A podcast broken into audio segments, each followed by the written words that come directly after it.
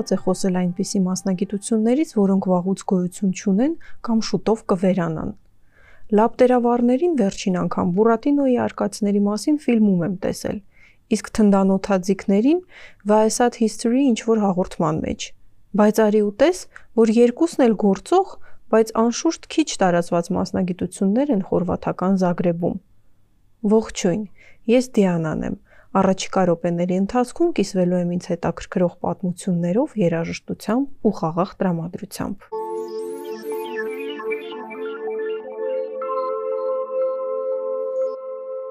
Հին ու բարի հեքիաթներում հայտնվող մասնագիտությունների շարքում մի օր հայտնվելու է նաև նեյրոգիտնականը։ Բոլորովին ոչ այն պատճառով, որ վերացող մասնագիտություն է,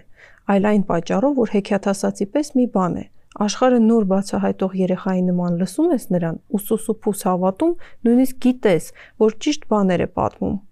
Երանի այն երեխաներին, ովքեր արդեն այսօր իրենց դպրոցներում ու քոլեջներում նեյրոգիտություն են սովորում մեզ արդեն հայտնի Գրեգ Գեյջի մատուցմամբ։ Եթե մենք դպրոցում կենսաբանության դասերին սովորում էինք, որ ծաղկավոր բույսերն օրինակ վարսանդ, առեջներ, օելիեսի մինչեր ունեն, ապա Գրեգ Գեյջն ասում է, որ կան բույսեր, որոնք հաշվել ու հաղորդակցվել գիտեն։ 1760 թվականին Հյուսիսային Կարոլինայի թագավորական նահանգապետ Արթուր Դոբսն իր տան բակի ճահճացած հատվածում մի ֆանտաստիկ բույս է հայտնաբերում, որին ճանճ բռնիչ է անվանակոչում։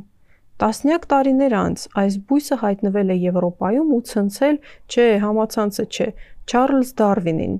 որովհետև այն արագաշարժ է, իսկ սա հազվադեպ է պատահում բույսերի հետ, ու այն գիշատիչ է, ինչը բույսի համար նույնպես հազվադեպ է, բայց այդ բույսի ամենաֆանտաստիկ կարողությունը հաշվելն է, ասում է Գրեգ Գեյջը։ Նեյրոգիտնականն իր փորձն սկսում է ցույց տալով սրտի աշխատանքը պատկերող էլեկտրասրտագրության զիգզագները։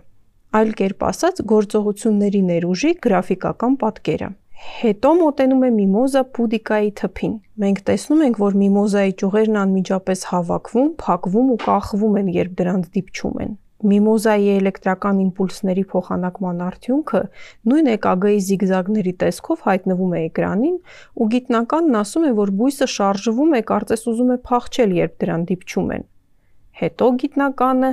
բզում է Դարվինին ցնցած այն գիշատիչ բույսի ճանճերին համբ անողի բեղիկներից մեկը։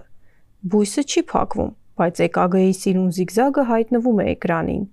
Երկրորդ անգամ է բզում զիգզագը կա, բայց բույսը չի փակվում։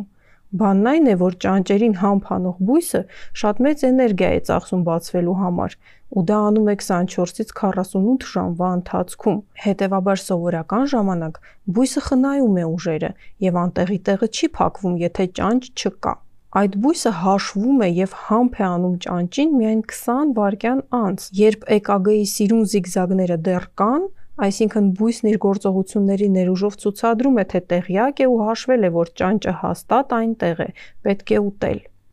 Ու այս ամենի արդյունքում գիտնականը եզրահանգում է, որ բույսերը մարդկանց պես նեյրոններ չունեն, բայց ունակ են հաղորդակցվելու էլեկտրականության միջոցով։ Այդ պահին դիպչում է ճանճ բռնիչի բեղիկներին, որի գործողությունների ներուժը փոխանցվում է միմոզայի թփին, ու թուփն անմիջապես փակվում, կախվում է։ Տեսնես ինչ էր ուզում ասել հարևան թփին։ Coldplay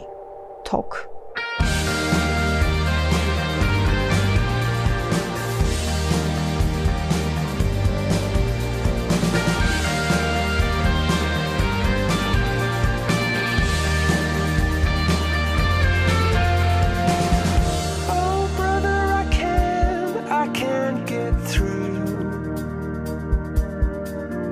I've been trying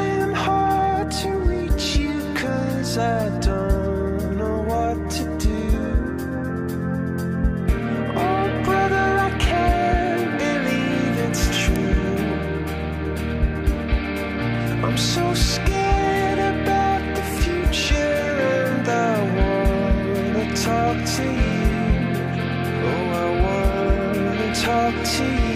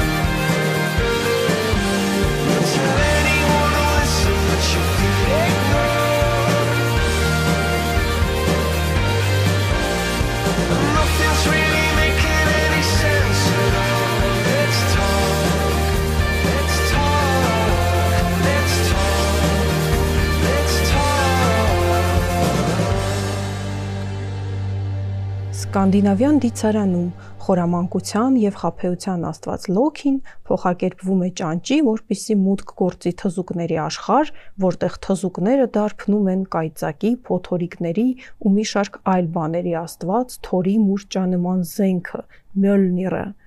Ու թարսի պես Մյոլնիրը վառարանից դուրս է գալիս ինչ որ կարճ բռնակով։ Այս պատմությունն իսլանդերենով մեզ են հասցրել շվեդական սկալդ խմբի անդամները, ովքեր ձայնագրության մեջ մուրճի ձայնը ստանալու համար երկաթ գծեր են օգտագործել։ Երկն էլ ճանճ են անվանել սկալդ, ֆլուգա։ Խաղաղ մնացեք։ Մինչ նոր ոդքասթ։